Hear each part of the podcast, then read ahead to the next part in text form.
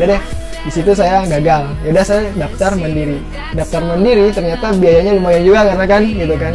Karena saya pengen ngambil yang jalur itu tuh ya pengen ada keringan biaya gitu kan. Ya udah udah gitu orang tua nggak sanggup tuh dari awalnya. Ya udah udah gitu saya kerja. Saya lari ke Depok. Nah, lari ke Depok saya ikut kerja sama saudara juga. Alhamdulillah sampai setahun gitu kan eh, kerja beberapa lima bulan pas kerja tuh saya dapat informasi. Karena kan Depok sama Tangerang itu Iya. perbatasan kan dekat gitu kan.